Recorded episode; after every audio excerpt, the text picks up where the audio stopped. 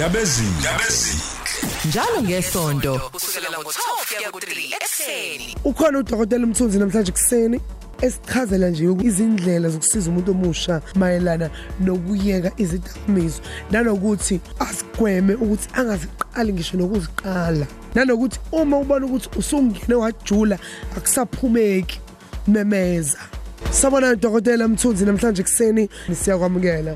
Indaba ezinhle siyabingelela madlandla ekusona egameni likaJesu Kristu kanye nabalaleli bonke labalalele kwelihle igama lemjesu amen.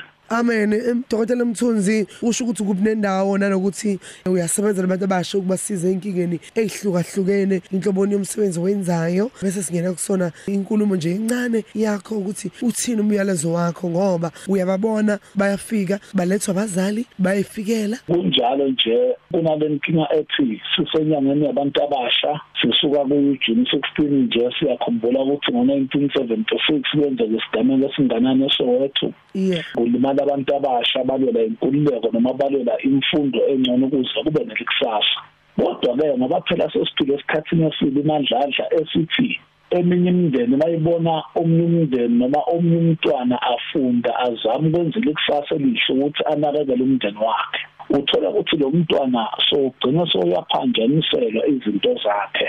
Ukuthi impilo yakhe mayingaqhubeki noma mayingabi nelekusasa elihle. Uthole ukuthi lo mntwana songena edakamizweni noma omunye umntwana usuyayibulala njengoba nje abantwana sengena imoya kangaka ukuyibulala akusiyo ukuyibulala kokuthanda kodwa ngoba kungumoya kulidimoni leselikhona ngokuthi alidestroy lento eyimpilo yabo ingakho namhla izwe lakithi ngazi ukuthi liyadideka kangaka noma silahlekelwa ngisho nayiyuthi noma abantu abasha baphinde futhi bangene eyidakamizweni ngendlela eqalile Ey yabona ke eh, dokotela iyajula le ndaba lena ngempela ibabhlungu kakhulu enhlizweni zethu ngoba phela sazi ukuthi thina umuntu omusha uyena ikusasa lomndeni uyena ikusasa lomphakathi nesizwe sonke. Ngifuna ukuthi ngibuyayebeka kuba yinkinga mangabe umndeni umbukelele umntwana noma ungamsukumela umuntu omusha.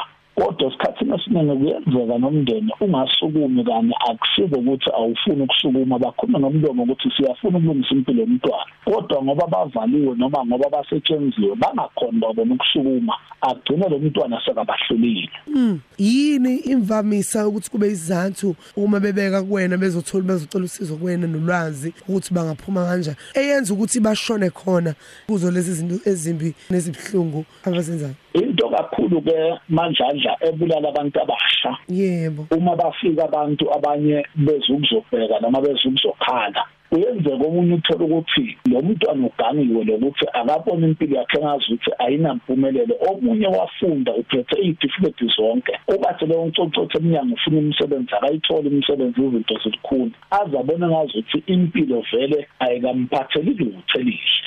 Ngani phela iBhayibheli lithi singazi igaba singelikusasa ngoba silazi siphathelene Yebo. bagcina abanye bayibulala kanjalo ke nama relationship ayayidala kakhulu inkinga ethi umuntu kaphile nomuntu abe nethemba ukuthi ukholelwa kuye. Mase baqala baphambana bahlukana. Eish. abone ngazi ukuthi impilo yakhe iphelile. Oh. ngani nakho lokho yinto elungisekayo ngaphandle kwenkinga noma ngathiwa sekonakele kanganani kodwa kuyalungiseka. Into enkulu ebaqedile abantu abasha.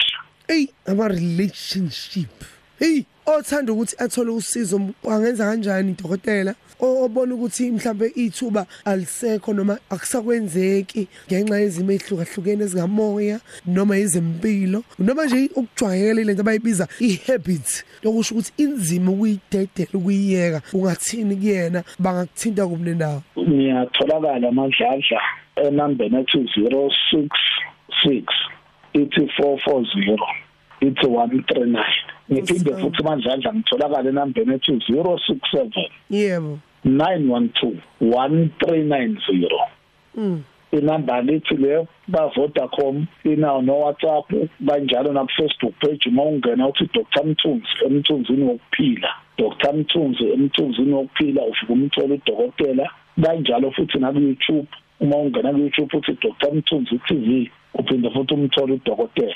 Kanjalo futhi na email uma uthi Dr. Mthunzi office@gmail.com uyamthola udokotela. Siyabonga kakhulu Dr. Mthunzi inkosi kubusisa kakhulu. Bengifisa nje ukuthi sikhulume nomuntu osebenzisana nabantu abasha esikhathini esiningi njenganawe inkosi kubusise makwande makukhanye. Uzile madladla ngiyakuchazela nje naye le voice. Ndabezi Ndabezi njalo ngesonto kusukela ngo12 kuya ku3 ekseni